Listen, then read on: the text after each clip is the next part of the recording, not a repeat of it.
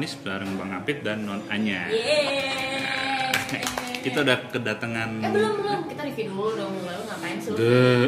sih? Minggu lalu itu kita bahas soal aviofobia. Oh iya, fear-phobia. Semoga kemarin Riza ya temen gue dan beberapa teman lain udah dapet nih tipsnya dan semoga kemarin obrolan gue sama David soal bagaimana mengatasi ketakutan terbang, bukan terbang sih, ketakutan Naik pesawat. naik pesawat itu mendapatkan jawabannya. Yes. Hari ini tadi udah, udah bilang tuh hari ini. Hari kita- ini kita kedatangan tamu lagi.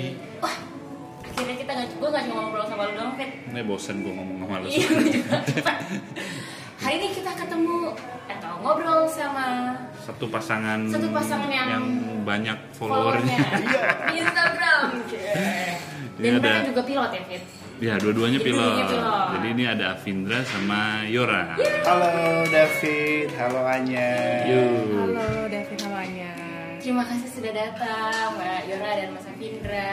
Sama-sama. Sudah dekat ya ini santai kok. Terima kasih telah mengundang kami. Oh iya. Oke. Kita Nah, sebenarnya kenapa sih kita ngundang mereka ini? Oh jadi gini, jadi gini waktu kemarin kita memulai podcast pertama kali kita bikin series tentang aviasi, kita share di atau kami share di IG masing-masing.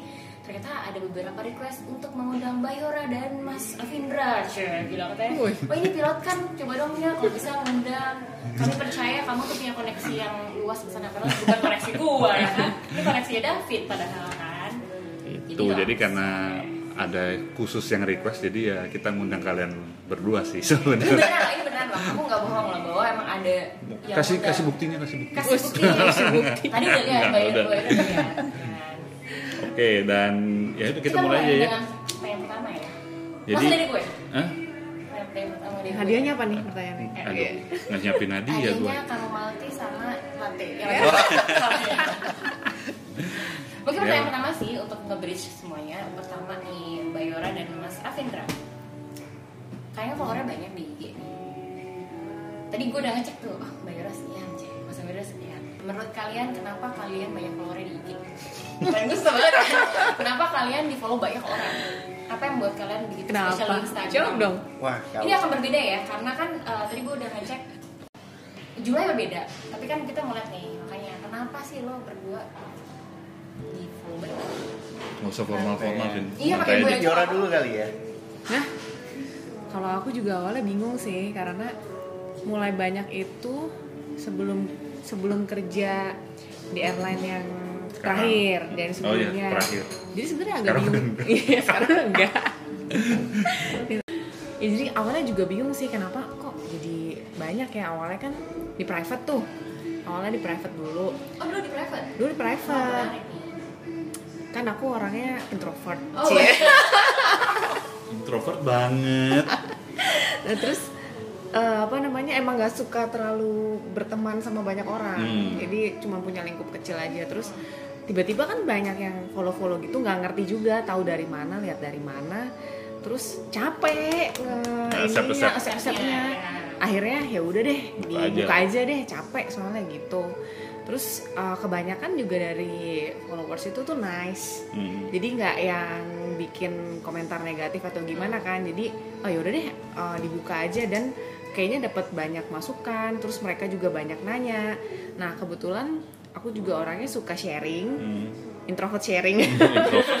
Jadi ya udah sekalian aja. Mungkin karena apa namanya sering sharing kayak gitu dan mereka merasa dalam tanda kutip bermanfaat untuk followers jadi mungkin nambah kali ya. Itu menurut aku sih tapi nggak ngerti juga sih apa yang mereka Saat rasakan. itu tuh sharingnya atau banyak orang tuh lebih nanya ke Tentang apa penerbangan sih? pastinya Oh, tentang penerbangan. Heeh. Lalu sharingnya juga tentang penerbangan. sharingnya juga tentang penerbangan kan kalau waktu zaman itu kan sekitar tahun berapa ya 2012 2013 tuh masih Wah, jarang volunteer Instagram banget. Jaman-jaman Okarin tuh, zaman itu kan. itu kan juga belum kali.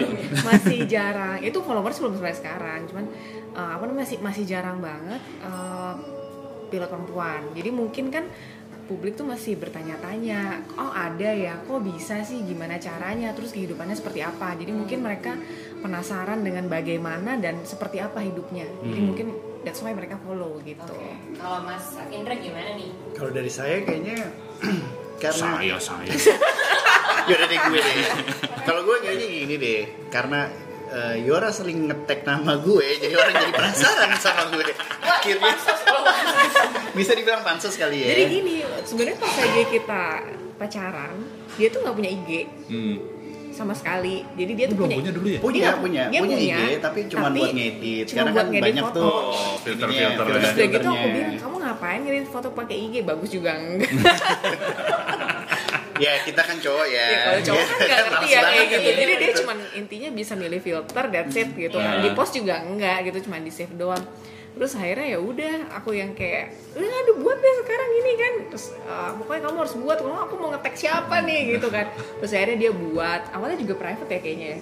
Awalnya sih private juga sama. Awalnya private terus aku yang insist kayak udah dibuka aja daripada itu. sekarang dia private lagi. Iya, itu kan sebenarnya udah di dasar pertanyaanku kenapa kenapa baik tapi nanti ya.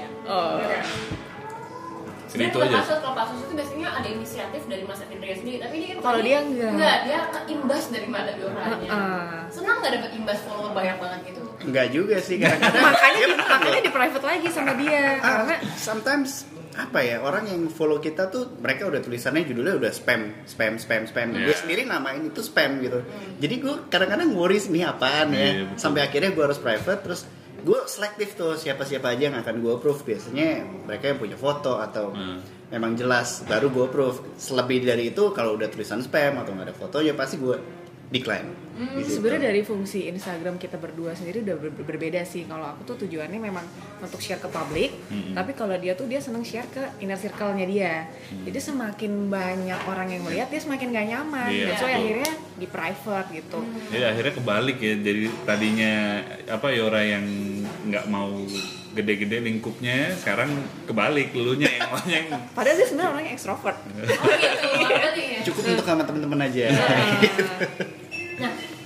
uh, Mbak Ira sudah sempat bilang ya itu introvert kan. Dan sebenarnya kan kalau kita melihat ke belakang, bagaimana lo dapat uh, follower itu kan organik banget ya. Dalam artian lo nggak beli follower, tiba ada orang follow follow lo aja. Sempat ngerasa jiwa introvert terdalam lo tuh terganggu apa nggak sih saat orang-orang suka nanya Oh, banyak jadi tipikal aku tuh introvertnya tuh bukan introvert yang kalau banyak orang yang ngeliatin tuh jadi nggak nyaman. Tapi kalau orang langsung yang teman-teman deket kayak mulai mengusik, nah itu baru nggak nyaman. Jadi beda sih sebenarnya ya maksudnya ya. Eh, introvertnya tuh lebih ke langsung lah gitu. Iya. Kalau misalnya itu kan nggak ngeliat kan. Oh, oke oke. Jadi kayak misalnya di rumah didatengin banyak orang langsung, itu aku nggak nggak- nyaman. nggak nyaman. Heeh. Tapi kalau misalnya aku share, kan aku nggak perlu ngeliat mereka Oh, oke oke. dan Iya, iya, merasa iya. bahwa uh, selama selama impactnya positif, ya aku jadi nyaman. Tapi kalau misalnya udah dibilang ngapain sih share kayak gini gini nggak penting, itu pasti aku nggak nyaman Oh. kayak gitu. Jadi untuk membagikan sesuatu ke sosmed juga perlu dipikir berkali-kali banget Iya. gitu. Oke. itu gimana? Kalau dulu ya nih, kalau dulu zaman-zaman awal kita terbang nih, Vin, Hmm? kan suka ngelihat kalau misalnya kita parkir di remote area tuh, Hmm, hmm. suka ngeliat gambarnya dia kan. oh Waktu terminal iya. 3 awal-awal. Terminal tiga kargo Nggak kargo. terminal 3 yang awal-awal tuh. apakah jadi pilot dan side jobnya adalah model gitu ya. Karena waktu itu di pro- di pre- previous airline kan emang cuma satu-satunya perempuan. Mungkin jadi karena nggak ada pilihan lain nih mungkin. ya udah.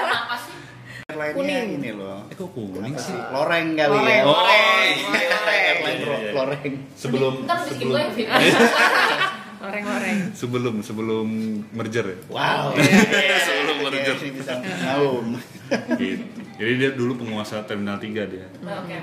Jadi setiap turun dari mobil gitu kan, eh itu yang di situ ya, itu di situ sampai. Nah, kalau kayak gitu gimana? Nah itu ngerasa gak nyaman banget. Jadi setiap turun tuh pakai jaket atau Hmm. gimana kan kita pakai topi juga kan. Mm-mm. Jadi supaya atributnya nggak dilihat biar nggak gitu dikenalin. Karena pada ngikut-ngikutin terus minta foto atau gimana gitu kan. Padahal siapa gue atau pikir kayak badut atau gimana. itu nggak nyaman kalau kayak gitu langsung langsung, di ketemu gitu. Iya, langsung ditodong ya. After landing juga begitu sama. Jadi pas mau ke mobil udah pakai jaket, pakai apa gitu biar nggak terlalu kelihatan sama orang. Tapi kalau udah malam mereka juga kayaknya nggak sadar ya udah cuek aja. Kayak anggota Blackpink gitu ya. Jadi pakai masker ya. Sebenarnya nggak nyamannya bukan karena merasa famous atau gimana Iya. sih, cuman ditunjuk-tunjuk aja kayak itu itu ya, itu itu ya Hmm. gitu, Nah. kayak gitu. lah ya kan. Mm-mm.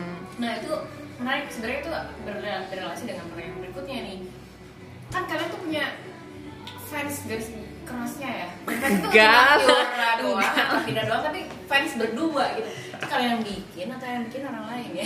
Kita sih nggak Atau lu pernah bayar lu, Vin.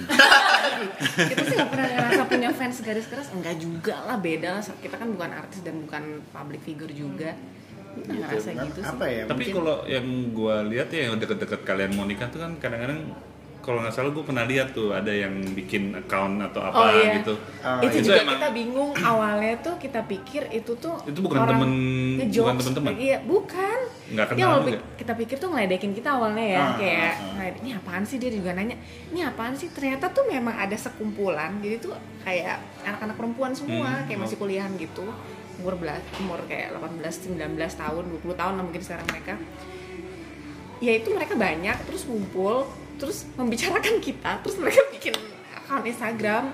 Dan itu tuh kayak sering banget tanya apa kabar? Kayak gini apa gimana? Kayak gitu kan.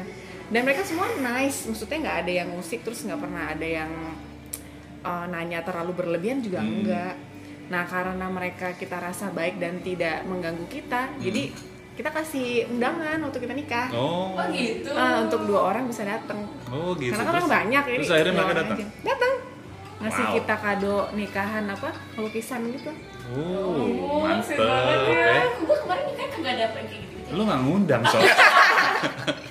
Itu masalahnya. Nah, tapi kan eh, berarti kan ada memang ada fans, bukan fans ya, grup ya fans lah ya, gemar tersendiri. Nah, mis- misalkan waktu di jalan, pernah nggak sih yang kayak ngerasa personal space-nya di dilewati karena mungkin nih fans ini terlalu agresif gitu. oh nggak ada sih nggak ada nih nggak ada sih sebenarnya. soalnya kita juga bukan Blackpink gitu ya kita nggak kayak gitu lah kita bukan artis kalau cuman sekedar ketemu terus eh, nanya nama oh ini eh, Mbak Yora ya oh iya salam kenal that's it ya udah selesai Oh. nggak sampai yang ganggu ngejar-ngejar gitu kan nggak sejauh ini belum ada pengalaman yang negatif terkait grupis gitu ya. nggak nggak ada sih baik-baik semua Grupis. Macam band aja. Iya. Oke, jadi em, hari ini kita nggak akan banyak ngobrolin soal pekerjaan karena ya, Oh, episode udah episode lalu iya. udah lah ya. Jadi kita mau ngebahas dari sisi eh, kalian berduanya, Waduh. dari sisi romantisnya. ini lebih mungkin. berat daripada Wah. pekerjaan ini Gitu, orang udah berdua seribu kali lebih berat gitu. Jadi Jadi lapar. kadang Makan dong kak. Ma- ma- sambil makan aja sambil makan nggak apa-apa. Hmm. Eh, mungkin banyak orang yang pengen tahu gitu kan karena kalian itu kan bisa dibilang pasangan yang unik karena kan apa peker- minta dulu nih Nah, tanya dulu nih nah. apa nih uniknya eh, pekerjaannya sama Oh. gitu pekerjaan sama sebenarnya banyak ya Gue wartawan, ini wartawan tuh suami gue. Iya, Iya. maksudnya Iya, gitu iya. Jadi pasti kalau pilot itu kan em, jadwal libur, jadwal kerja kadang susah gitu kan. Apalagi dulu kalian satu airlines kan ya. Kan Betul. biasa lah ya. ketemunya waktu udah di airline yang sama atau Berbeda iya. Atau waktu itu Atau kita ngeliat ada ngeliat apa? tuh? Heeh. bentar-bentar biarkan yang mengejar-ngejar bercerita nah Oh, ternyata. Jadi Iya, ngejar Siapa? Oh, ternyata. Oh, gitu. Gimana ya?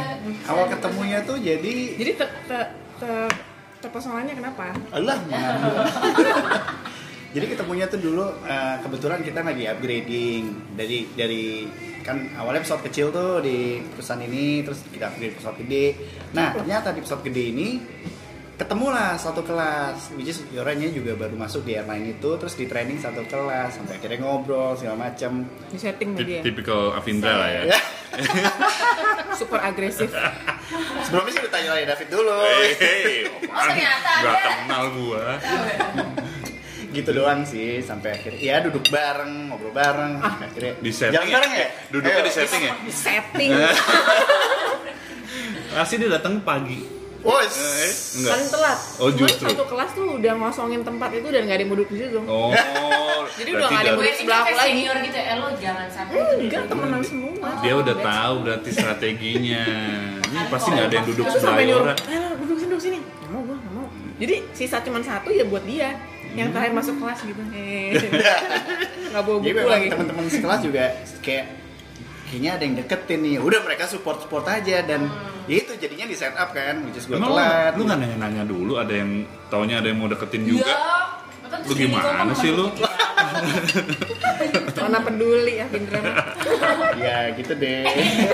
ya kalau Kalau soal cinta mah dulu-duluan ya mas ya. Nah, Berarti bisa dibilang istilahnya cinlok lah ya. Bisa bisa dibilangnya gitu ya. Di setting kalau dia Oh, kan di setting. setting bukan cinlok. lah. Sabotase. Sabotase. Oke. Terus setelah itu apa yang apa yang terjadi tuh di di kelas duduk bareng sempat jalan bareng.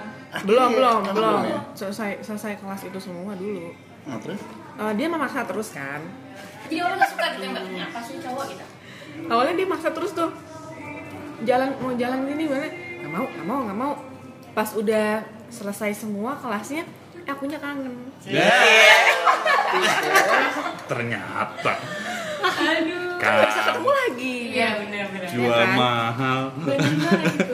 ya udah deh jalan deh gitu Gitu. Oh gitu. Dari setelah cinta tumbuh ya kan. Ya bukannya di kelas Vindra tidur doang kerjanya. gak usah diceritakan lah ngapain aja di kelas Lu udah 10 tahun sekelas mulu nih. nggak pernah belajar oh gitu. Jadi dari kelas. Terus em, Ad- sa- saat perjalanan itu Mhm. eh, PDKT berapa lama sebelum akhirnya Sampai nikah. eh, sampai mungkin pacaran dulu kali waduh Aduh. Itu dia yang susah. 3 bulan 4 bulan tahu terusnya lu cepet nih. wah Oh, enggak ya? di spill dia di spill sebenarnya ya Berapa ya? 3, 3 bulan nih? nggak tahu nggak hitung Kayaknya sel- selama upgrading itu aja sih kurang lebih sih tiga bulanan lah ya Hmm. tiga bulan terus ya mulai serius setelah pacaran pertama sampai nikah berapa lama berapa ya? nggak tahu nggak hitung aku lupa loh beneran loh tapi ada nggak setahun dua tahun Ah, dua tahun kali ya dua, dua tahun ya Dua kayaknya tahun. lupa. iya dua tahun pacaran terus nikah gitu pasti sebelumnya mbak Yora pernah punya pacar dong. Mas Alvin juga pernah Iya. waduh. kenapa oh tata hitung. Gua nggak ngomong. ada yang bisa dihitung di depan.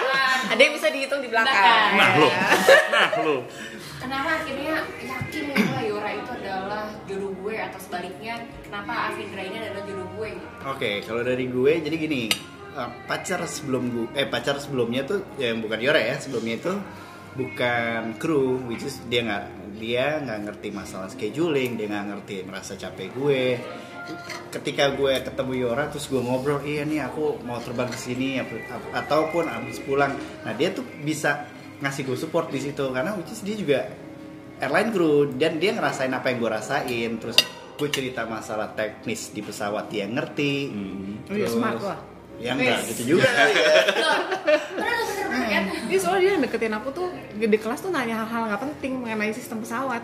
Tapi memang gue nggak ngerti karena gue beda beda manufacturer sebelumnya kan? Dipikir gitu kan. PDKT loh progres sebenarnya gue udah tahu kan. Terus kayak eh Yora ini mesti apa ya? Gitu, baru PDKT. ya walaupun pertanyaan-pertanyaan sampah tapi kan akhirnya kan iya finish benar. Itu dia. Kan Akhirnya kemakan juga. nah. Pertanyaannya terus susah aku nggak bisa jawab juga sih benar sih. Ya gitu sih lebih ke ya teknis pesawat dia ngerti apa pun lah kendala gue waktu pada saat itu gue bisa ngelimpahin ke Yora dan dia bisa feedback kan gitu. It- dari situ mulai oh kayaknya oke nih dan dia orangnya termasuk caring ya untuk cewek jadi eh, tip dulu dulu tuh gue pernah pernah punya punya impian kali kayak gue pengen lah punya pasangan yang bisa eh, keibu-ibuan gitu. Ibu-ibu. ibu-ibu.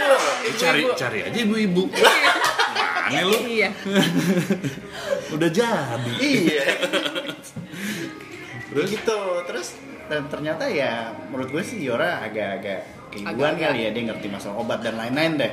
Kayak gue belum makan segala macam ya gitu-gitu deh. Gitu. Nggak tahu deh kalau frekuensi gitu ya? Yes. Kalau Yora gimana? Apa yang bikin um, lo yakin bahwa oh Afindra ini jodoh gue gitu?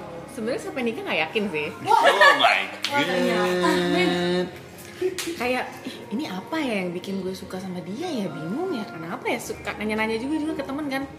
Cuman temen tuh bilang itu cinta kayak gitu yo. Wes. Oh berarti gue cinta ya sama dia ya? Gitu. Terus yang yang apa ya yang yang kena itu dia tuh orangnya tuh pintar ngambil hati sih. Jadi kayak namanya gimana ya maksudnya ya?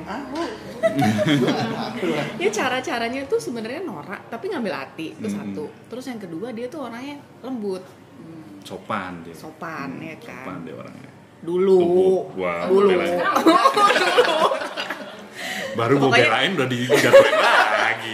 Sorry ya Fit.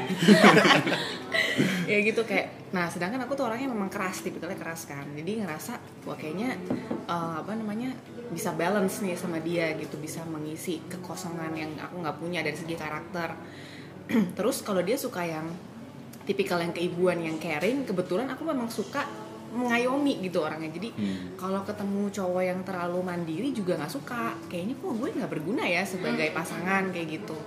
Eh, jadi ketika ketemu dia yang apa-apa nanya apa-apa ini apa-apa kayak merasa dibutuhkan kayak gitu jadi ngerasa oh Masih berarti gitu ya ya iya kayak gitu meskipun setelah nikah banyak juga sih kayak ini jangan dilibatkan ya pokoknya hal-hal kayak gitu yang ngerasa kayak oh berarti eh, apa namanya dia membutuhkan aku terus kayak eh, kita bisa saling balance lah gitu saling mengisi iya ya saling Aduh, mengisi. Iya. Itu dari tadi nggak punya.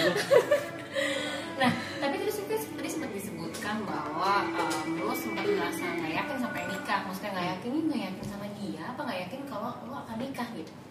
lebih ke segalanya sih lebih kayak nggak yakinnya tuh eh, pertama kan kayak tadi dibilang kan ini apa ya yang bikin gue suka ya apa ya kayak gitu terus yang kedua ke diri sendiri juga bisa nggak ya jadi seorang istri yang ketiga dari dari segi pekerjaan yang tetap pergi-pergi terus jarang pulang itu kira-kira gue bisa nggak ya jadi istri yang baik gitu? Nanti yang ada suami gue di rumah gue nya nggak ada di rumah siapa yang nyiapin dia makan?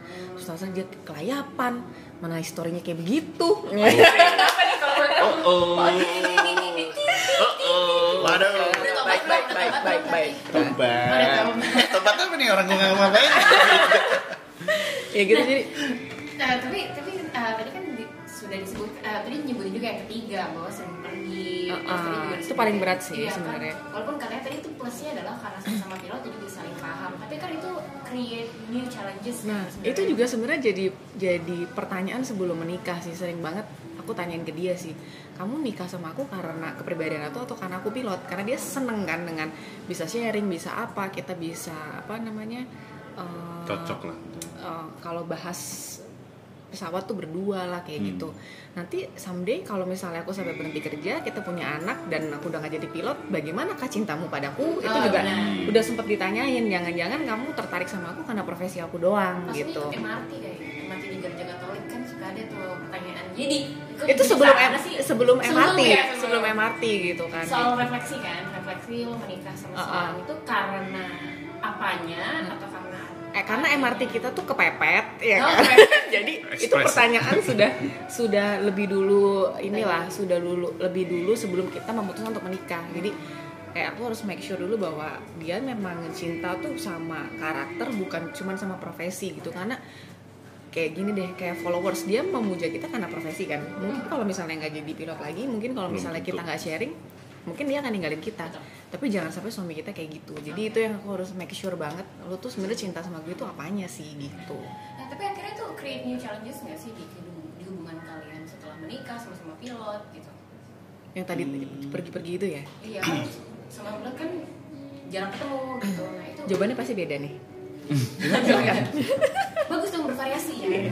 Eh, kalau dari gue sih kebetul nggak kebetulan juga ya. Jadi memang masa muda gue orang tua gue kan mesti ke sana ke sini sana sini. Dan gue terbiasa buat dari sendiri lah dari SMP SMA tuh kayak ngurus apa apa sendiri. Jadi dengan Yora nggak ada di rumah pun gue juga berasa kayaknya nothing to worry gitu. Kayak nggak nggak nggak nggak apa-apa juga gitu. Nah itu berarti di Yoranya justru. Karena Yora ini kan tipikal keluarganya benar-benar yang harus ke mana-mana bareng. Ini nih mesti bareng. Nah ini yang agak berat Yoranya jadi emang dia dari dulu tuh keluarganya mandiri banget kan. Jadi dia udah dari SMP ya kamu tinggal sendiri ya kayaknya. Terus sedangkan kalau aku tuh anak mami banget. Nah terus ngelihat banget mama itu bagaimana taking care of papa kan. Hmm. kalau mau terbang seragamnya disuapin ini Iya. sini nganterin. Dan mama pun melakukan itu ke aku sebelum aku nikah. Kalau mau terbang mau apa pasti mama tuh bantu siapin nganterin kayak gitu. Jadi di bayangan aku kalau misalnya gue jadi istri gue harus kayak mama dong. Minimal harus kayak mama sedangkan aku tidak bisa melakukan semua itu. Jadi ngebatin sendiri. Di mana suami gue di rumah gue nya di mana. Terus kadang-kadang kan namanya cowok kan nggak standby terus pegang hp kan. Terus misalnya kita nanya kamu udah berangkat belum? Udah gini belum? Kok nggak ngabarin gue ya? Padahal ya ada di rumah tahu gitu kan. Cuman kayak gue nggak ada di sana terus dia gimana ya bisa nggak ya sendiri? Tapi dia aja fine sebenarnya bahkan mungkin bahagia ya. Ya karena itu gue juga biasa sendiri itu jadi dari orang ya nah udahlah oke oke Hmm, aja. jadi malah deh akunya yang sebagai perempuan tuh ngerasa berat kayak ya kok gue sebagai istri kok kayaknya gagal Karena role gitu. model lu Nah, nah, nyokap. karena role modelnya nyokap gitu. Dia aja pas lagi awal nikah eh ah, bajunya aku siapin gak usah gak usah ya gak usah sih kenapa padahal kalau share sama temen-temen yang lain ya eh lu enak banget sih punya laki kayak gitu laki gue tuh ribet banget kalau mau berangkat terus nyiapin ini ini ini ini lu tuh enak kayak gitu ah, lu enak ya kayak gitu ya ah ya udah deh disyukurin aja jadi setelah udah mulai satu tahun mau satu tahun pernikahan kita bisa ini sih jadinya dapet ritme keluarga kita sendiri sih gitu Oke. Nah, ada pertanyaan yang terkait hubungan dengan LDR, LDR ya. Itu kan kadang suka jauh-jauh ya. Mm-mm. Nih, aku ada nih. Ini bukan kaleng-kaleng nih beneran ada. beneran ada. Sebenarnya? Oke, ini dia. Wah, aku suka banget sama Yora. Mau tanya, Asik. mau tanya bagaimana agar tetap mesra dengan suami walau sering jauhan. bukannya kalau emang jauh-jauhan itu kadang suka kangen kangen-kangenan ya? Gitu. Eh. kalau deket-deketan malah jauh-jauhan ya. Oh gitu. Oh gitu ya. Semakin sering di rumah semakin ya David curhat? gimana kamu? Apa jawaban eh itu jawaban kamu. Kayaknya gitu ya menurut aku ya. Bagaimana supaya tetap mesra? Sebenarnya aku sendiri nggak nggak pernah ngerasa mesra sih. Biasa aja. Kalau kangen ya bilang kangen kalau sebel ya bilang sebel udah gitu Hmm. aja sih Tapi kalau eh, dari Yora sendiri, Afi tuh romantis gak sih orang? kayaknya lebih lebih romantisan aku ya Oh ya? gue tuh paling nggak bisa sih romantis dia tuh pemalu dia tuh Hmm. pemalu Sa- sama sekali nggak bisa nah aku tuh introvert tapi kalau udah deket open banget Mm-mm. kalau misalnya oma sama orang yang masih gak deket ya udah nggak mau ngomong nggak mau apa gitu nah kalau dia kebalikannya kalau dia sama orang baru dia bisa Iya. gampang Ah. gitu kan gampang gampang ngambil hati orang terus gampang ngobrol sama orang tapi kalau udah deket itu pemalu sebenarnya jadi untuk Berarti waktu mengungkapkan awal perasaan tuh panas di susah malahan ya, Mbak. iya panas kita kita kebalikan sih ya sebenarnya ya jadi awal gue yang jalan gitu kan Hmm. ketemu orang habis itu sisanya orang jadi akhirnya match juga kan gitu Oh iya. Lah, kalau kalau kayak gitu, cara waktu lu ngelamar dia gimana?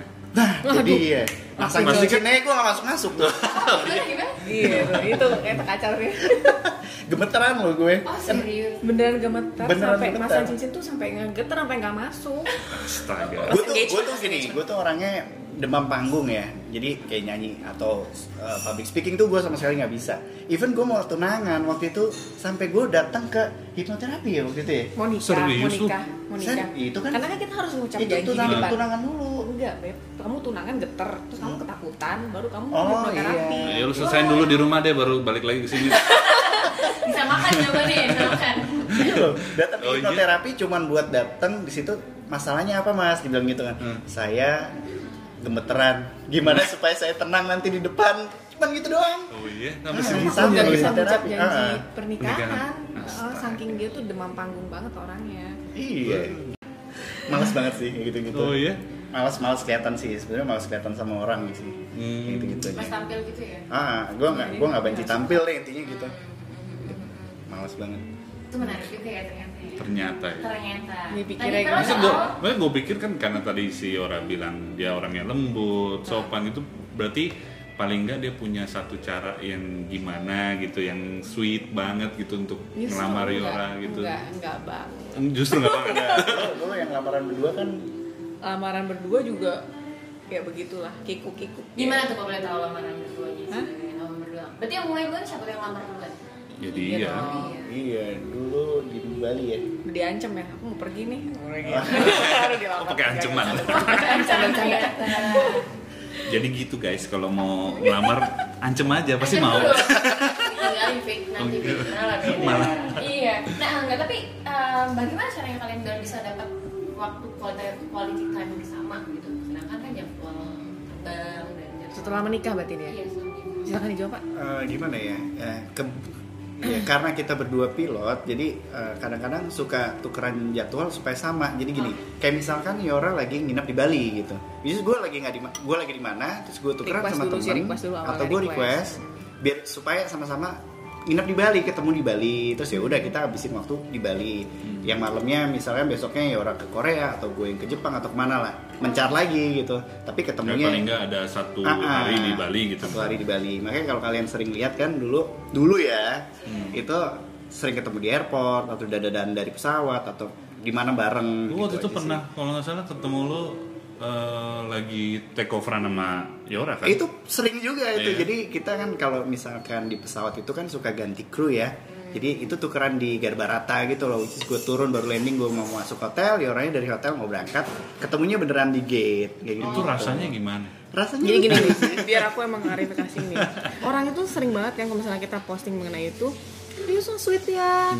Post lagi dong kayak gitu. Lu tahu ya, itu tuh nyakitin hati gue sebenarnya. Itu. itu tuh sebenarnya tuh menyakitkan tuh untuk itu. nggak tahu untuk dia ya. Nah, untuk aku tuh menyakitkan gitu kayak itu kita udah terbang nggak ketemu selama 10 hari bener-bener nggak ketemu 10 hari dan kebetulan pesawat yang aku pulang ekstra kru dari Denpasar ke Jakarta tuh dia yang bawa itu kebetulan banget dia tuh ketemu di pesawat tuh udah sedih banget rasanya karena aku pulang dia pergi lagi nginep lagi di Bali kayak ya Allah sedih banget dan ketika posting itu followersnya nambah karena orang seneng lihat lihat kepedihan itu kayaknya mereka seneng ngeliat kepedihan gue Berarti itu uh, membuktikan kami bahwa orang lain itu bersenang di atas penderitaan Penderitaan lain. Terus orang berpikir kan, eh enak ya jalan ke sana, jalan ke sini. Kita tuh sebenarnya mencari kesempatan dalam kesempitan kan, karena dalam satu bulan tuh kita cuma bisa request libur dua hari. Jadi kita cuma bisa ketemu dua hari dalam satu bulan.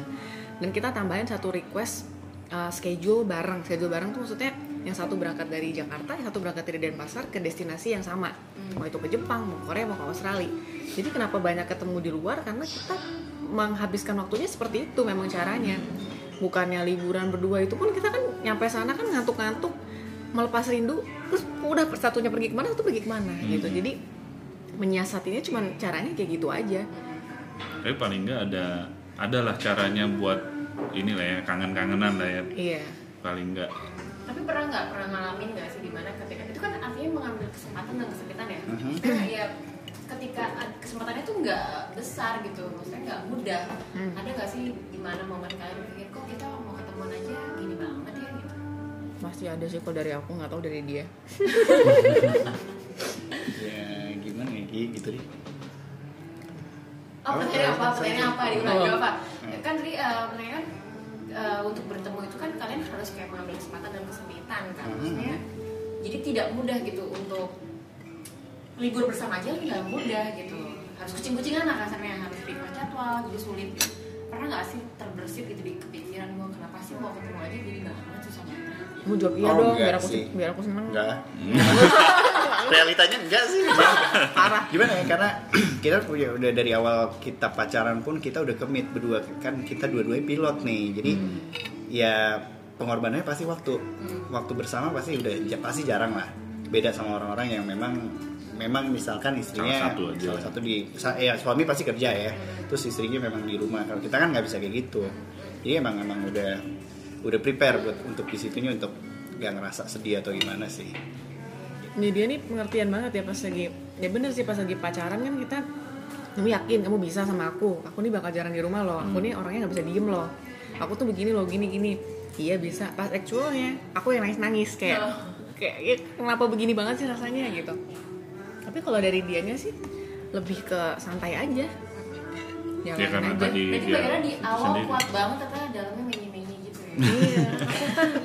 Aku kan lembut kan lembut iya. nah kita ada pertanyaan nih Fit, dari teman gue ya. Eh dari salah satu pendengar. Hmm. kita dengerin ya sekarang ya. Boleh. Halo Kak Yora dan Kavi, perkenalkan nama saya Gista. Di sini saya akan bertanya khusus untuk Kak Yora menanyakan dua pertanyaan. Karena kita tahu menjadi seorang pilot pasti memiliki banyak sekali pengalaman. Boleh tidak membagikan kepada kami sebuah pengalaman ditolong Tuhan atau sebuah mujizat eh, yang pernah dialami lewat salah satu kejadian tidak mengenakan selama di dunia penerbangan. Eh, lebih spesifik mungkin bisa diceritakan kalau misalkan ada cerita lolos dari bencana atau kecelakaan sebelum atau selama terbang. Itu yang pertama. Dan kemudian yang kedua, lebih ke personal Kak Yora, bagaimanakah peran dunia penerbangan dalam membentuk iman dan karakter seorang Patricia Yora sendiri? Terima kasih Kak Yora, Tuhan memberkati. pertanyaan gue tuh kadang berpikir eh, pertanyaan dari pendengarnya tuh kok bahasanya sangat-sangat formal sekali ya Iya, jadi takut jawabnya ini. Santai aja kali. Iya, iya, bener.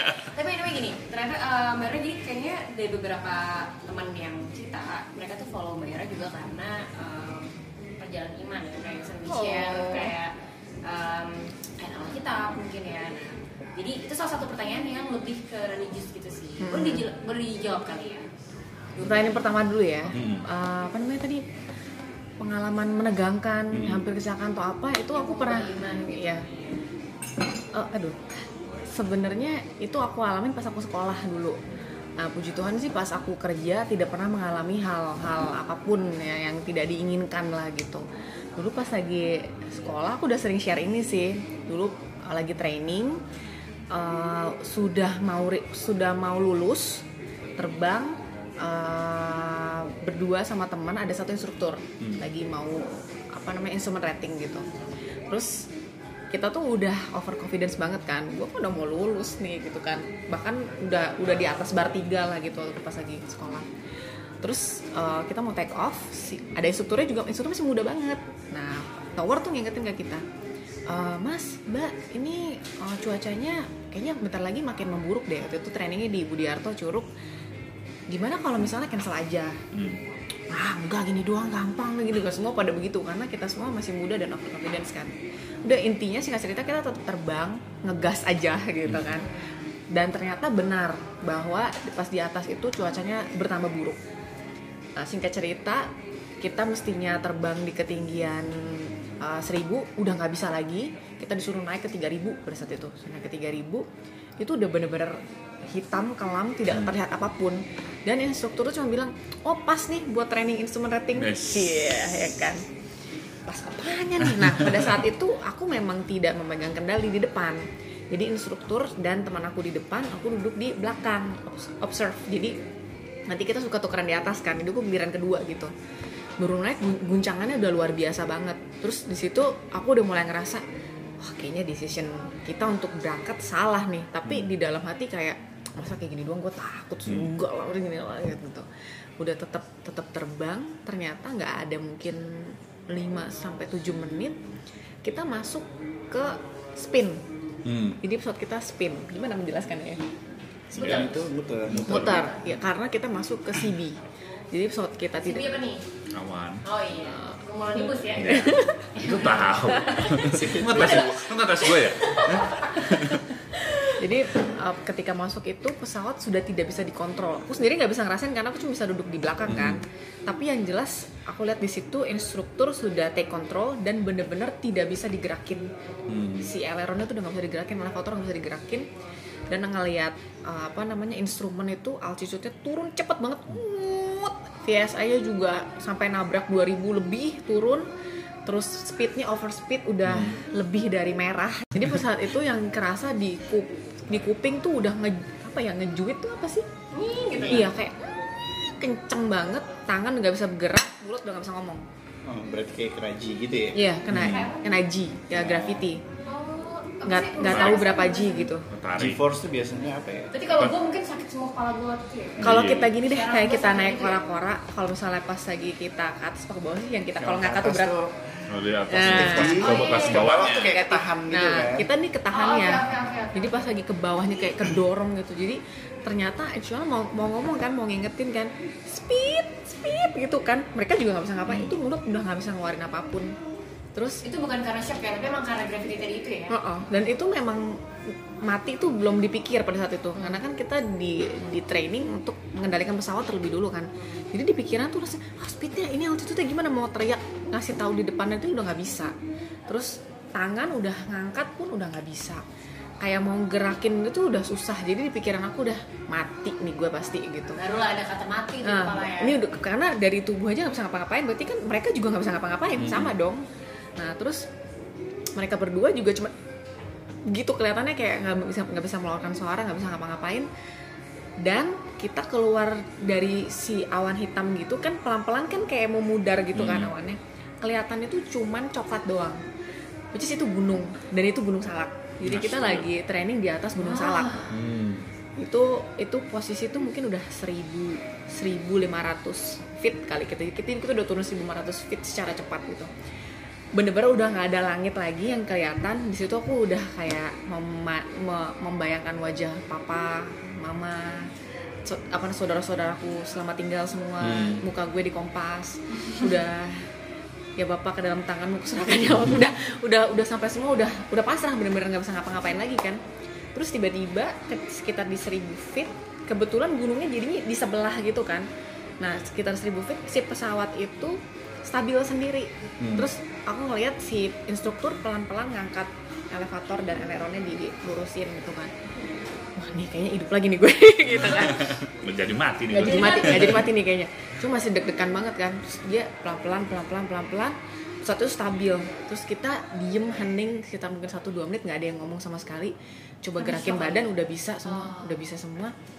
Terus eh, si instruktur cuma bilang kita full stop yuk. Iya iya iya. Akhirnya kita pulang gitu kan. Iya iya iya pulang. Pas kita mau pulang request kan oh dibilang oh, nggak bisa karena Budiarto itu dia heavy rain Hmm. visibility-nya di bawah apa Yang namanya dibutuhkan yang ya. dibutuhkan di bawah minimal kalian nggak bisa pulang. Make holding. Nah, Mak, lo. apa? Recording apa? Make holding. Oh. jadi suruh holding. Holding di mana? Terus kan iya. Holding di mana? Instrukturnya mencoba menenangkan kita. Udah tenang. Kita coba cari kira-kira di mana nih. Kayaknya di di sini enak nih gini. Nah udah kita coba holding. Karena cuman hanya kita yang masih terbang. Yang lain udah nggak ada yang terbang kan? Udah. Terus mungkin kita holding sekitar 15 sampai 20 menit baru bisa landing. Itu pas landing kaki bener-bener geter nyampe nyampe tanah tuh nangis jadi jadinya nangis. Waktu itu hari Kamis inget mestinya belum pulang. Waktu itu kan aku tinggal di Bogor. Langsung nelfon mama cerita ma aku udah mau mati ma tadi gini-gini. Aku pulang ke Bogor. Langsung pada saat itu juga nggak berani terbang seminggu. Oh gitu? Sempat trauma Uh-uh. Oh iya. Mm-mm. setelah yang minggu berikutnya minggu kedua mulai tuh di skate lagi kan. Mulai di skate lagi ngeliat awan takut. Ngeliat awan minta full stop. Sampai masih ngeri ah, ya. ngeri banget. Jadi itu bener-bener ngeri banget. Cuman dari situ tuh belajar bahwa uh, kan kita kalau lagi sekolah kan diajarin ya jadi pilot itu nggak boleh overconfidence Hmm. ternyata itu bener banget. Dan itu ilmu yang sangat kepake banget sih sampai sekarang gitu. Nah terus yang kedua yang kedua berarti? Peran pekerjaan dalam pertumbuhan iman. Sebenarnya kalau boleh jujur sih pekerjaan ini tuh bukan pekerjaan yang aku impikan dari kecil. Oh, bukan gitu. bukan cita-cita juga. Pengen jadi waktu kecil banget pengen jadi dokter. Oh Nah, karena aku berjiwa sosial. Oh, gitu. gitu. Enggak, enggak, enggak. Nah terus takut tuh ngelihat orang menderita di depan kita terus berdarah-darah tuh takut sebenarnya. Jadi mulai dari SMP tuh berubah pengen jadi psikolog. Jadi dari SMP SMA pengennya jadi psikolog karena senang ngedengar cerita orang kayak gitu. Senang lihat orang derita, sen- senang mendengar derita orang kali ya. enggak, enggak, iya enggak. itu ya Terus jadi jadi cita-cita aku jadi psikolog, cuman papa aku tuh nggak dukung. Jadi dia dia merasa kamu tuh kenapa nggak jadi dokter aja gitu, kamu bisa, kamu mampu gitu.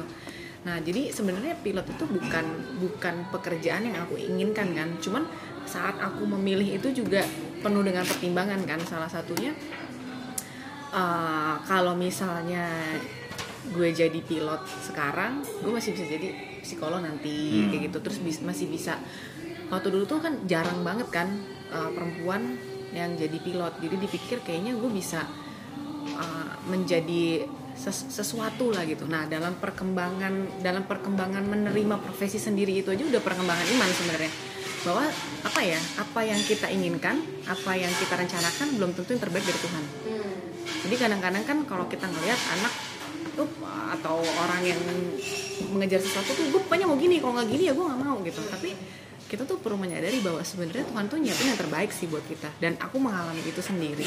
Saat udah jadi pilot mata tuh terbuka beng. Ternyata Tuhan tuh menyiapkan banyak sekali rencana yang aku nggak akan dapet kalau aku tetap kekeh di jalan aku sendiri gitu.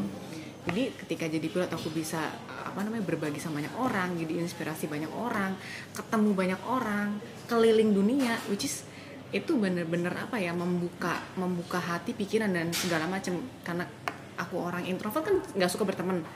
Tapi dengan jadi pilot ketemu orang banyak itu bener-bener ngebuka pikiran hati dan lain-lain. Oh ternyata Tuhan tuh pingin gue tuh lebih daripada yang gue inginkan sebenarnya. Jadi lebih apa ya menerima rencana Tuhan lah gitu. Itu yang pertama. Yang kedua eh, dengan dengan menjadi pilot itu benar-benar ngebuat bersyukur banget sih. Jadi pertama kali ikut eh, apa namanya observe di pesawat besar itu kan beda ya sama pesawat rekiplek gitu. Itu penerbangannya ke Ambon penerbangannya ke Ambon waktu itu ngelihat sunrise. Hmm. itu indah banget tuh sampai netesin air mata lebay banget ya kayaknya ya. Cuman itu indah banget dan situ ngerasa gila ya nggak semua orang bisa ngelihat apa yang gue lihat. Di duduk di kokpit kan. Heeh, dan gue bisa ngeliat ini setiap hari dan itu tuh kuasa Tuhan luar biasa banget kan. Dan setiap hari yang setelah aku alamin sudah terbang 7 sampai 8 tahun langit itu nggak pernah sama. Iya. Selalu beda setiap hari. Jadi ngerasa kayak gila ya Tuhan itu ajaib banget ya kayak dari kalau misalnya kita lihat weather. Tiba-tiba hujan tiba-tiba panas tiba-tiba ini. Terus eh, banyak lah maksudnya kejadian-kejadian yang kita nggak nggak bisa pakai nalar tapi kejadian gitu sebenarnya. Jadi melihat kuasa Tuhan tuh lebih luas lebih besar dan lebih tinggi lagi lah gitu dari pekerjaan sebagai pilot gitu. Nah kalau Mas Indra? Yes. Jangan maksa bebas jangan Aduh. Nah, tadi kan si Mbak Ira udah menjelaskan panjang lebar nih bahwa dia sudah mengalami eh, beberapa pengalaman yang cukup apa ya eh, turning point nggak sih di sini? Ya, itu lah Iya. pokoknya titik balik Titik dalam balik. hidupnya. Nah, eh, lo sendiri pernah nggak sih mengalami atau memiliki, memiliki pengalaman khususnya di pekerjaan yang akhirnya menjadi titik balik buat kehidupan lo gitu?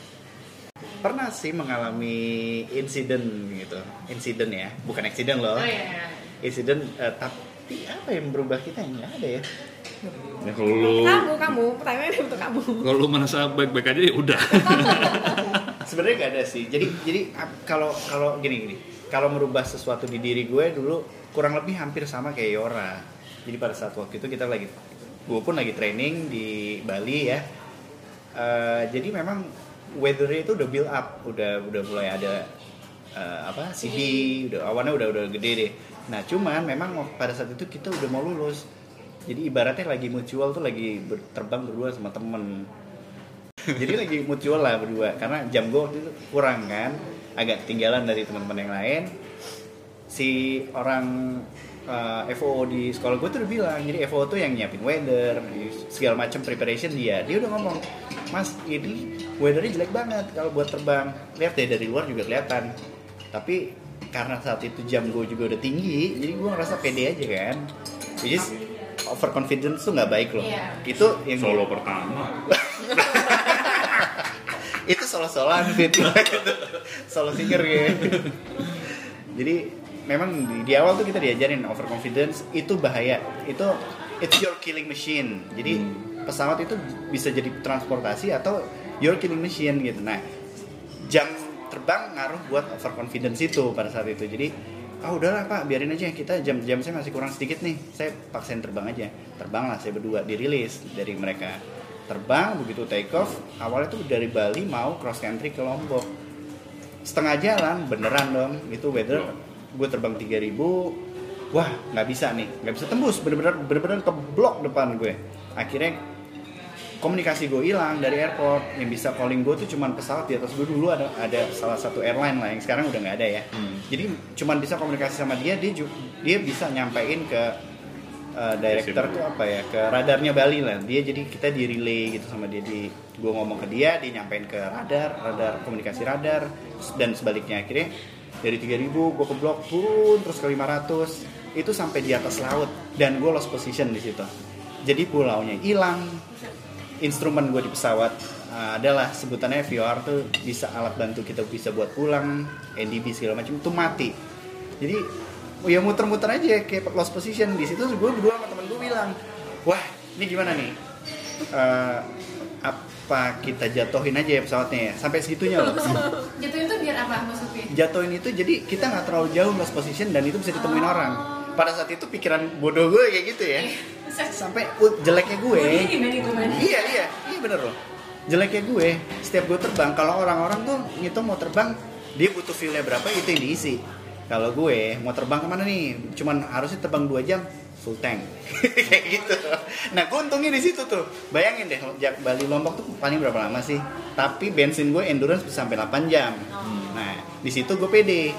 Sampai akhirnya ya itulah ada ada istilah ada teori di penerbangan tuh dead reckoning kalau kalau dibilang ya jadi kita terbang berapa lama kita hitung by time itu yang distance-nya berapa nah dari situ gua, itu waktu itu timing tuh berapa lama udah kita jatuhin di sini aja Terus Terus lu ya. Gua nggak mikir gitu.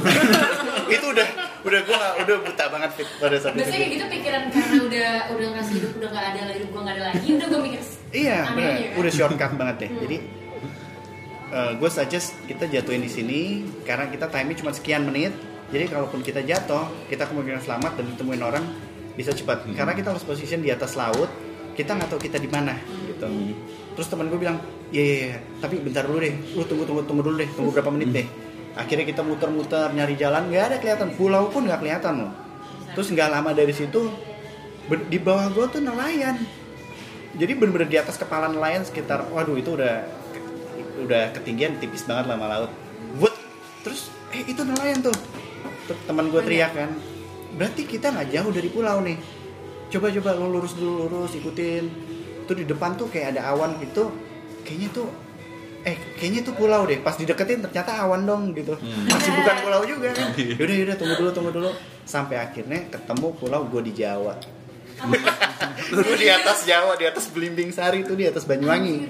Jadi gue Bali, ya, iya ya? Bali Lombok tuh kan harusnya kan ke east ya, harusnya ke timur gitu terbangnya, gue malah ke barat dong.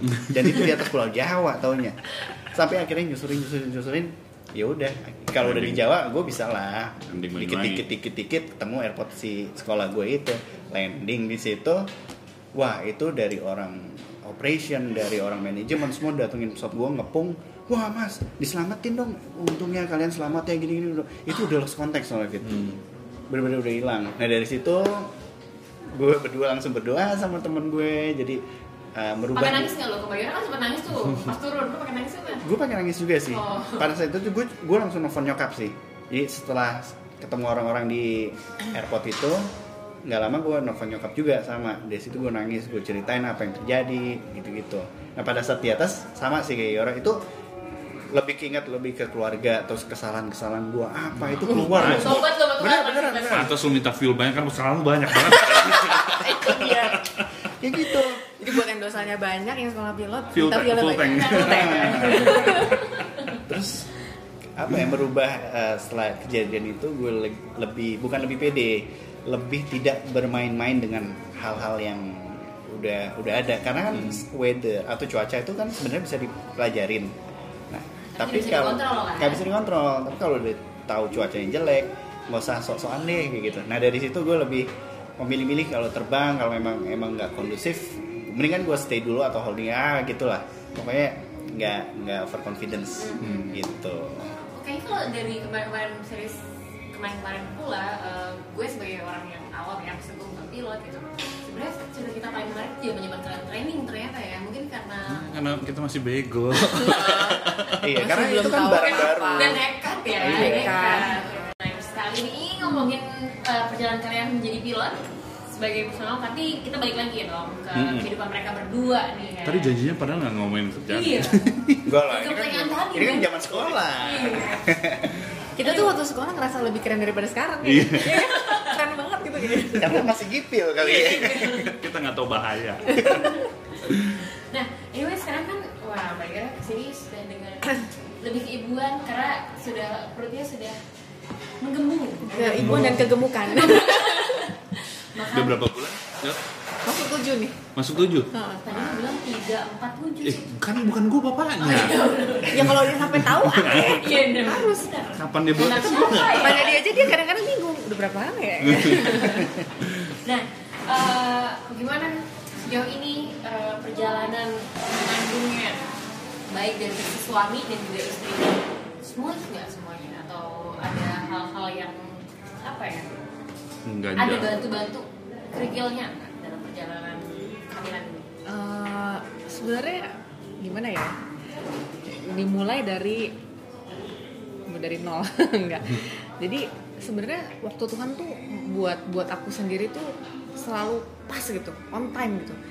Jadi kebetulan pada saat kontraknya selesai hamil. Jadi nggak perlu mengkhawatirkan segala sesuatu itu yang pertama. Kontrak di airline selesai pas hamil padahal pas lagi mau kontrak selesai tuh udah sempat agak stres karena gue next kerja di mana ya? Gue mau ngapain ya? Gue keterima nggak ya? Gue gini gini gini gini gini gini. Itu terus ternyata beberapa bulan dua bulan dua bulan dua bulan sebelum kontraknya selesai hamil. Jadi ya udah berarti kan gue hamil ya udah selesai gitu kan. Jadi nggak perlu mikirin itu lagi. Actualnya yang terjadi adalah saat berhenti terbang secara mendadak dek gitu. Itu stres awalnya. Jadi impactnya apa? Hmm, activity kali ya. Iya karena kan karena aku tuh orangnya nggak bisa diem ya. Jadi ini kenapa nih? Da- kan kerja ini kan udah hitungannya dari SMA kan. Dari SMA sekolah apa semua tuh jadi nonstop terus kerja terus. Terus tiba-tiba udah setelah 10 tahun hilang semua. Gaji hilang. Ini hilang. Semua gaji paling Oh, berat. itu- itu, itu. duit itu paling berat sih. Itu paling berat. Pertama itu agak berat dan stres. Jadi Hmm. ya mungkin dia juga lihat lah suka nangis nangis nggak jelas gitu di kasur. Gitu kan sampai gini loh koper Yora tuh. Iya, iya bener, lo bayangin ini deh bener. koper Yora tuh Iya. nggak boleh dimasukin loh. Iya. nggak nggak boleh disimpan sampai sekarang. Sampai sekarang. Serius jadi bulan. dia. Bag dan trolley bag Trolley gue bag nggak masih boleh disimpan. Ya, boleh. Nggak boleh Gua tuh masukin gue tuh gudang. orangnya ringkes. Gue orangnya ringkes banget kan. Jadi apa ini kalau nggak dipakai ya udah Ya masukin. Padahal lagi debuan kan. Debuan juga gitu dia sama dia nggak boleh itu biarin aja Iya. biar aku masih ada rasa-rasa terbang Itu bener. Terus, itu aneh banget jadi kan awalnya itu udah udah mungkin tiga minggu nggak terbang, koper dan koper dan trolley eh sorry knife bag dan trolley bag itu kan masih masih di lantai bawah di ruang Hmm. tamu situ kan. Dia bilang mau beresin tuh jangan ngalangin jalan Hmm. gitu kan. Terus aku buka, nih itu masih ada si- sisa-sisa mau terbang waktu itu mau terbang Osaka nggak jadi gara-gara tes pack. Nah, Udah mau berangkat ke Osaka nih nggak jadi gara-gara tes pack positif. oh gitu Iya. Jadi di dalamnya tuh masih ada peralatan perang mau ke Osaka. Jadi Hmm. semua barang masih di situ kan. Pas buka, lihat jas terbang, nangis, nangis lama banget ya. Dia bilang, kamu ngapain sih? Jadi jasnya tuh tutup sini terus nangis nggak berhenti berhenti. Kalau ditanya kenapa nggak tahu. Cuman kayak pas ngeliat tuh nggak tahu langsung nangis aja sendiri. Karena Mungkin itu bisa dibilang namanya post tower syndrome juga ya. Post tower dulu lo punya kegiatan Yes. lo punya banyak eh, kita kegiatan ya kegiatan ada banyak hal yang lo kontrol. Sekarang kan lo kayak itu ya langsung. normally kan kayaknya dari segi psikologi pasti kan orang biasa aja kalau tiba-tiba aktivitinya nggak ada Iya, itu kan langsung kaget apalagi perempuan hamil yang alam bawah sadar terbuka Oh, sama 9 benar. bulan. Jadi kayak makin drastis gitu kan. Terus jasnya tuh di usus ini kan. Terus bilang bulan pas hamil berapa bulan tuh itu baru dua, dua bulan tiga bulan pas baru baru tahu. ah, ya. baru awal hamil. Terus ngasih ke mbak gitu kan. Dicuci ya emosi taruh di kamar gitu kan. Terus pakai lagi juga nggak tahu kapan ya kan gitu kan. Tapi terus begitu bilang udah taruh kopernya sini nggak nggak mau. Pokoknya kopernya taruh sini dulu. Sampai kapan? Pokoknya aku bilang taruh sini taruh sini dulu. Gitu. Sampai sekarang pas udah Sampai sekarang. pas udah nggak reva pindah-pindah. Kagak pindah. sekarang kan pindah ke gudang semua tuh barang ke gudang semua koper semua ke gudang.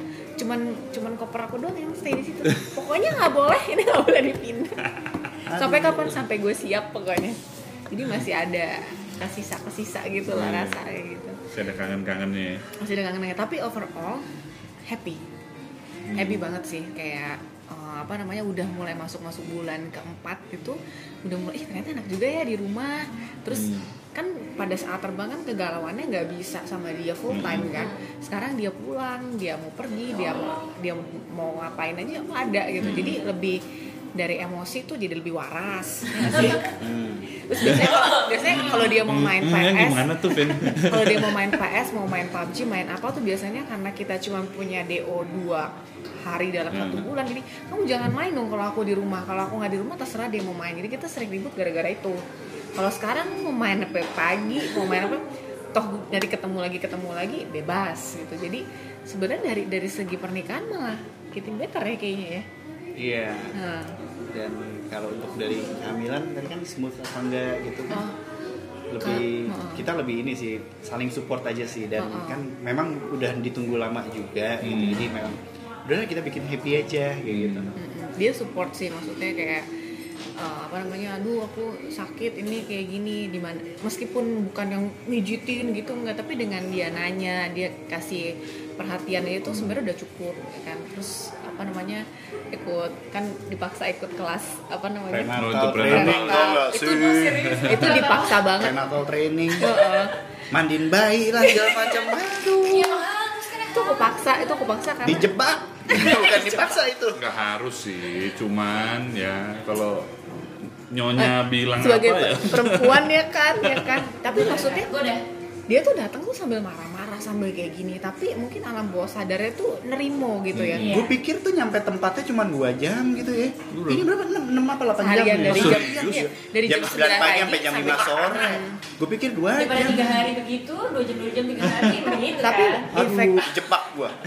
tapi memang di kelas itu kan benar-benar si uh, apa namanya perempuan dan dan laki-lakinya terutama laki-laki dibuka kan apa yang terjadi sama istri lo saat hamil jadi dia jauh lebih pengertian dan jauh lebih cerdas daripada sebelumnya sih dalam menyikapi keanehan-keanehan kita yang Hmm. muncul saat kehamilan dan lebih siap apa namanya menerima si bayinya nanti dan di situ kan ada ketemu cowok-cowok yang Iya. lain dia juga bilang oh ternyata problem kita sama ya Kejebak semua. Oh, gitu.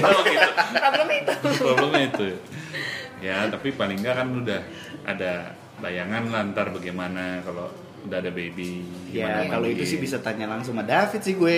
Bisa Iya David, sih. Fit, ini gimana Fit? Cuma kan paling enggak itu sebenarnya kan tujuan kelas-kelas itu kan buat bonding lu sama istri kan. Iya lebih ke bonding itu sih sebenarnya yang lebih Eh, kerasa banget. Karena kan kalau di rumah nanti lu nggak bisa nanya gua. Iya. Iya kan? sebenarnya kan juga kadang uh, kelas-kelas kayak gitu tuh juga biar kadang kan ketika hamil yang belajar soal kandang tuh kadang sukanya istrinya doang Hmm. karena Yes. suaminya enggak Uh-uh. Nah, nanti Harusnya seringnya dua-duanya. karena suaminya nggak paham keadaan istrinya Mm-mm. istrinya juga udah nggak bisa mengkomunikasikan badannya capek apa Iya ya kan betul. Jadi dikomunikasikan dulu sebelum terjadi masalah. Iya, gitu. betul. gue jadi dari sekarang walaupun belum hamil belum apa udah ngasih tau ke dia soal baby bus baby bus terus suami gue jadi bus tuh gini maksudnya gini gini wah sering banget Itu tuh pas dia sampai bilang kan udah ngebujuk berapa seminggu dua minggu lebih tuh ya nggak mau nggak mau. Sampai dia bilang iya tuh gue suka nangis tuh nggak? Iya makasih ya. Aku mau ikut. Iya. Iya lebay banget. Sumpah karena dia dia kan orangnya nggak suka ikut kelas ya terus Ah, sendiri di kelas dia iya. ngapain aja kan. Ya. Nah, sedangkan gue tuh orangnya sukanya belajar, suka ikut kelas, suka ikut sesuatu yang mengedukasi kan?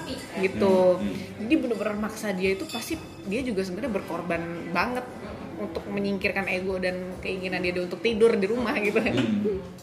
Ya gitu deh. Eh, tapi kalau ngomong-ngomong soal ego, kan kalian dua-duanya ya kalau pilot kan ya kita tahu lah Oh, egonya oke. bagaimana kan karena eh, ada sisi commandingnya kan. Nah, pertanyaan Kalau- yang bagus. Nah itu kalau di rumah gimana? Tetap. Pertanyaan yang bagus. Jadi kan karena kita ikut kan ada ada kalau kalian tahu tuh MRT ya. Apa Iya, panjangannya? paling Apa? Ikut apa katanya apa kepanjangan? Gue juga lupa nih. Ini bagi yang nggak tahu MRT itu kalau uh, bukan MRT transportasi ya itu membangun rumah tangga. Membangun rumah kayak Oh iya, aku juga lupa. Kelas pranikah. Kelas pranikah Kelas lah di Katolik. Nah, ya. Benar. Jadi di situ pun kita diajarin kalau misalkan di dalam satu rumah tetaplah hanya ada satu nakoda kayak Satu gitu. kapten, satu kapten. Sama lah ya. Iya. Jadi kayak gitu sih. Jadi Dua-duanya FO Ah, mana? Iya. Susah ini ya, belum ada yang makanya gue kapten. bilang aja. Iya, iya benar benar benar. bukan kapten semua gitu jadi memang eh, apa ya Yoranya pun udah ya karena ikut kelas itu dia juga ngerti harus dianya seperti apa gue mesti bagaimana tetap dia harus ikut ke suami ya Hmm. tapi tetap ada limitnya kalau misalnya memang gue salah dia juga bisa ngasih tahu gitu sih Ini teori aja apa? actual actualnya memang benar-benar Pasti, benar. pasti. Itu yang yang sama ketika dia- gue MRT terus dia itu teori aja perlu lakuinnya gitu. Iya. ya? Jadi di MRT itu kan diajarin karena maksudnya kayak yang kita sukain kalau kita lagi marah kita senangnya diapain. Mm, Jadi iya, itu bener-bener ya. sama kayak kelas prenatal sih sebenarnya jadi kayak menyiapkan sesuatu sebelum terjadi masalah gitu kan. Nah kita udah tahu bahwa itu akan jadi masalah di depan dan kita udah bahas itu. Sebenarnya yang yang dia juga pasti ngerasa sulit ya sebagai laki-laki dapat gue nggak bohong kalau gue cewek commanding pasti Hmm. ya kan? Dapat dapat perempuan commanding tuh pasti buat Avi juga susah banget. Meskipun kita udah di kelas udah kayak gimana untuk melawan karakter diri sendiri tuh buat aku pribadi susah banget. Ketika di pesawat dilayanin Nah, sampai di rumah, harus melayanin. ketika di pesawat nyuruh-nyuruh di rumah harus nurut. Itu itu susah banget gitu jadi harus belajar sih awal-awal pasti kita banyak konflik banyak banget konflik kayak kamu gimana sih jadi perempuan tuh harus begini nah ini dia ngomong kayak gitu lo kalau aku ngerasa bener nggak?" tapi dari situ kan belajar kan bahwa mau sampai kapan gue kayak Hmm. gini makanya buat calon-calon pilot perempuan di luar sana itu sangat tidak mudah Hmm. ketika kita sudah memasuki apa namanya fase berumah tangga itu kita kayak harus punya dua kepribadian dan kepribadian satu kita harus tinggalkan ketika masuk rumah gitu Jadi jangan dibawa ke rumah gitu Mm-mm, ya. harus dibedain lah gitu Oke. Nah, berarti em, tadi kan sudah sempat sebenarnya saya kalau kita secara detail mendengarkan sebelumnya tadi Mbak udah memberikan sedikit bocoran bahwa kontrak akan selesai Mhm. terus di rumah aja. Nah, berarti next nih kan eh, sebenarnya kan lo punya license, lo masih eh, setelah melahirkan lo akan next jadi job akan jadi pilot apa enggak? jadi pas lagi Dan bagaimana nanti pandangan suami nih akan boleh nggak pilihan hidup lo? kalau dia dia orangnya bener-bener ngebebasin. Mau ngapain ya terserah mau jungkir balik terserah lah istilahnya kata dia. Hmm, jadi menurut gua apa ya kayak nikah boleh tapi kan kita timur ya biasanya orang-orang timur tuh budaya timur maksudnya budaya timur tuh udahlah istri di rumah aja atau gimana. Itu menurut gue dulu. Kalau di gue di keluarga gue gue akan bebasin itu gitu. Walaupun kita nikah ya gue sebagai suami tetap akan bebasin lo. Jadi bukan berarti gue suami terus lo harus nurutin gue atau gimana lo harus nurutin itu enggak. Jadi kalau lo happy untuk lakuin itu lo lakuin. Pokoknya kebahagiaan lo lo bisa cari itu juga gitu. itu sih. Berarti lo akan ya? gue gue bebas. Dia mau terbang silakan nggak terbang ya terserah gitu. Nah, lo gimana mbak? Berarti lo akan next akan tetap jadi pilot atau pertama mau menanggapi dia dulu jadi pada saat dia ngomong kayak gitu awalnya merasa kok lu nggak butuh gue ya Oh gitu. iya karena karena Kalau udah di rumah udah kan ya. temen temen-temen apa namanya teman-teman tuh cerita ih kalau laki gue gue disuruh ke rumah suruh berhenti kerja suruh kayak gini kok dia nggak kok dia nggak kok, dia- kok dia nggak nggak butuh gue ya tapi ternyata eh, itu adalah salah satu apa namanya yang harus disyukuri sebenarnya ya kan? Bahwa suami kita tuh nggak terlalu menuntut kita macam-macam nah pas lagi hamil pertama hamil pertama itu bikin planning gue mau terbang lagi mau gini ambil kelas ambil kayak gini kayak gitu kan ya. Gue planning lagi. Pas udah jalan ke bulan kelima ke enam ini makin kok enak ya di rumah ya? Jadi sebenarnya nih ya tuh biasa masih belum tahu. Masih belum tahu. Masih belum tahu ke depannya mau kayak gimana terus makin belajar mengenai bayi dan lain-lain. Terus kayak masa gue tinggal anak gue gimana dong nanti terus tapi eh, maksudnya nggak mau bilang dulu ke orang kayak gue nanti mau terbang lagi. Takutnya nggak kejadian. Atau bilang gue nanti apa Di namanya aja. mau di rumah aja. Eh ternyata pengen terbang. Jadi jalanin aja sih sebenarnya kayak gimana eh, ke depannya gitu ya Lo kan juga udah pernah ngalamin bahwa lo pengen jadi psikolog tapi terus hidup lo digolakin sama Tuhan Iya, lo dan iya, buat lo itu suatu iya. berkat luar biasa. Jadi Hmm. mungkin lo ngerasanya next iya lo akan ikutin aja jalan Tuhan. iya betul Serius sekali saya malam ini. Lu kenapa? Berarti, Oke, hmm. ah, lanjut. Berarti, ah, berarti lo akan tetap kayak yang yang kayaknya seperti kayak gitu deh Ah. ada ambisi lain gak sih untuk kalian berdua sebagai pasangan suami istri dan punya anak ambisi bersama akan kehidupan kalian contohnya apa nih? Misalkan apa nih? Contohnya nih misalkan kalau gue misalkan gue ya Hah? atau suami istri tuh ada yang kayak oh ambisi gue adalah gue mau punya rumah yang besar atau apa. Kalau gue pasti misalkan gue gue sama suami gue pengen traveling lagi Oh, oke. ke suatu negara gitu misalnya. Oke. nah kalau kalian ada ambisi apa sih untuk kehidupan kalian? Berdua Apalagi setelah nanti? Punya anak. Punya anak. Karena gue orangnya monoton kali ya jadi sebenarnya nggak ada sih Dia tidak punya ambisi. Ah, ah, jadi nggak ada yang ambisi yang gimana gimana karena ambisi-ambisi yang dulu gue impi-impikan sebenarnya udah Udah udah tercapai. tercapai pada saat gue single gitu Hmm. kayak misalnya gue punya mobil yang gue pengen Hmm. itu semua udah komplit punya pacar banyak ah salah berarti jangan punya pacar banyak lagi ya kan ambisinya sudah. Udah pernah. Udah. Tolong ingatkan temannya nah kayak gitu-gitu. Jadi kalau apa ya? Nggak ada sih. So far sih nggak ada sih kalau untuk kayak jalan-jalan atau gimana. Ntar kalau udah sama anak iya. Nggak tahu Mungkin sih ada belum belum. ada ini lagi nanti. Ah, ah. mungkin bayarannya gue kalau aku orangnya ambisius tapi semenjak menikah jadi itu dihilangkan. Karena kalau misalnya kita terlalu ngikutin ambisi kita tapi suami kita nggak mau pasti berantem. Jadi ada apa-apa ngomong sama dia kamu maunya apa? Kalau dia nggak mau ya udah. Jadi ambisi-ambisi dulu ya apa namanya itu ambisi-ambisi ketika single. Jadi ketika berdua sebenarnya nggak ada ambisi apa apa karena suaminya juga jalanin aja bro gitu kan. Hidupnya dia tuh kayak gitu. Jadi kayak ya aku berusaha untuk santai mengikuti mengimbangi dan nggak terlalu berlebihan aja gitu. Tapi mungkin sih kalau misalnya bukan ambisi sebenarnya keinginannya pasti kita pingin anak kita apa namanya "Oh, di sekolahnya yang ini nanti dia begini nanti dia gitu. Kayak gitu-gitu paling ngomongin gitu doang sih nggak ada Tapi ambisi itu ambisi. wajar ya. Ah, harapan-harapan aja sih tapi nggak ada ambisi. Nanti kita harus punya ini ya ruko 11 nggak ada. Nggak ada Oh, kayak gitu. 11. ya, misalnya misalnya. Misalnya ya. Ya, Hari nanti Senin kita- naik harganya. nanti kita harus bikin podcast ya nggak ada. Belum belum. Jadi nggak ada sih semuanya kita jalanin aja. Oke deh. Ada pertanyaan lagi? Apa lagi ya? Gini, eh, satu pertanyaan terakhir deh. eh. Boleh. Ini buat masing-masing. Eh, sebutin tiga hal yang buat kalian jatuh cinta sama satu sama lain. Jadi di summary gitu. Ya. Oke. Gue dulu ya. aku pasti kali ya. banyak oh gitu.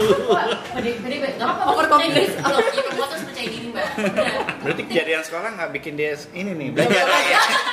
Masih overconfident kamu bukan kamu bukan CB Kamu yang sering gue di komunikus ya.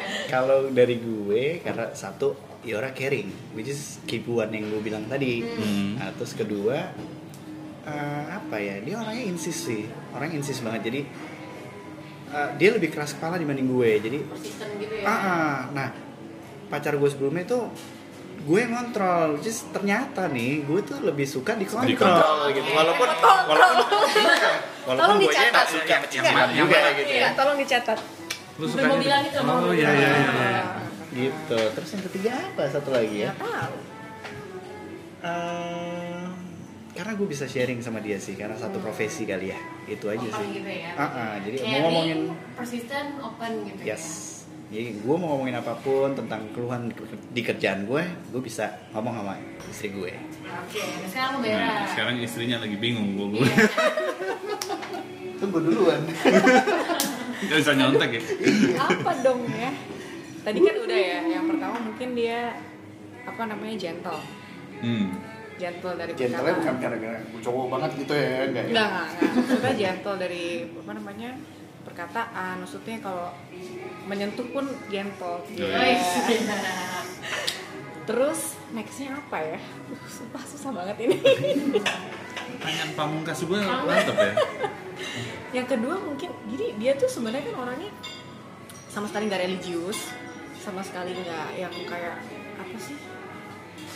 Bukan yang dibilang tuh gimana ya kayak eh, pemimpin banget gitu enggak. Cuman dia tuh lakukan dengan apa yang dia apa ya dengan hal-hal kecil gitu. Hmm. Jadi kayak tadi kan aku orangnya keras, terus orangnya nggak gampang ketemu orang. Dia tuh nggak pernah yang kamu harus gini gini gini. Tapi dengan dia yang ngelakuin itu sendiri jadi contoh gitu itu dibuat kayak oh ternyata kalau misalnya ngomong pelan itu didengar juga kok. Jadi gue nggak usah teriak-teriak kayak gitu. Hmm. Jadi semua yang dilakukan kayak tanpa menggurui gitu loh. Kalau karena kalau misalnya orang keras kepala kayak gini kan kalau digurui kayak oh, no, no, no, no, Makin no, no." kenceng. makin jadi. Nah kalau dia tuh nggak pernah guru dia lakuin aja sendiri. Jadi misalnya dia makan, dia tuh nggak pernah yang beresin makanan tuh nggak pernah. Dia kayak dia pasti naruh sendiri ini sendiri gitu. Hmm, ternyata kayak gitu ya dia tuh kayak gitu gitu.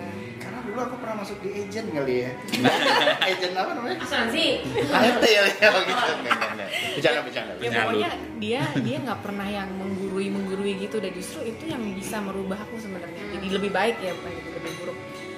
Yang ketiga apa ya? Oh, dia tuh wangi. Itu penting banget. Jadi dia tuh se se wangi parfum gue 20 ruangan ya. Lagi dia mau se se energik apa pun dia tuh nggak bau bingung apa memang karena cinta aja kali ya Yes, Yes. gila. Keringet aja diwangikan, Fit. Itu ya kan? dia. Panca indera ketutup. kan dekat sama cowok kan nggak cuma satu dua kan teman-teman juga cowok semua kalau mereka udah activity gimana kok bawa bensin kok bawa ini gitu kan Bawa bensin banget Pertamax.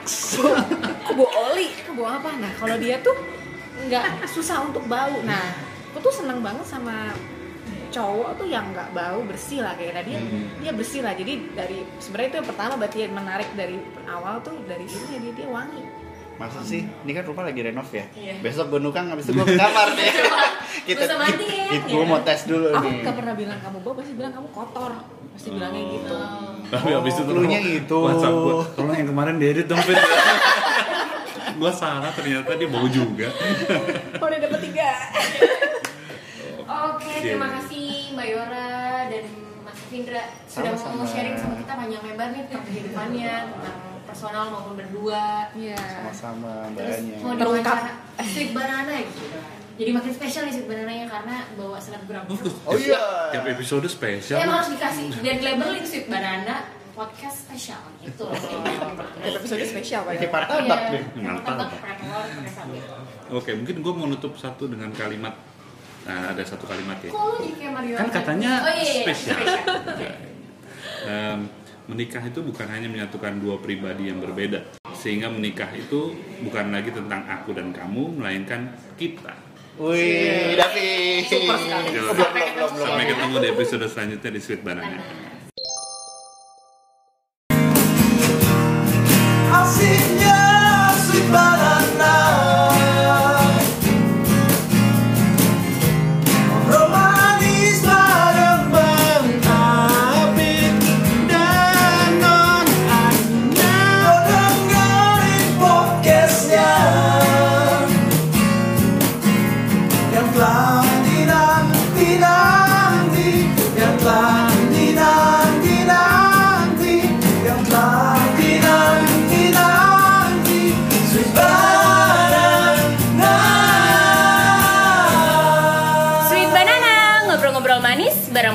Dan Non.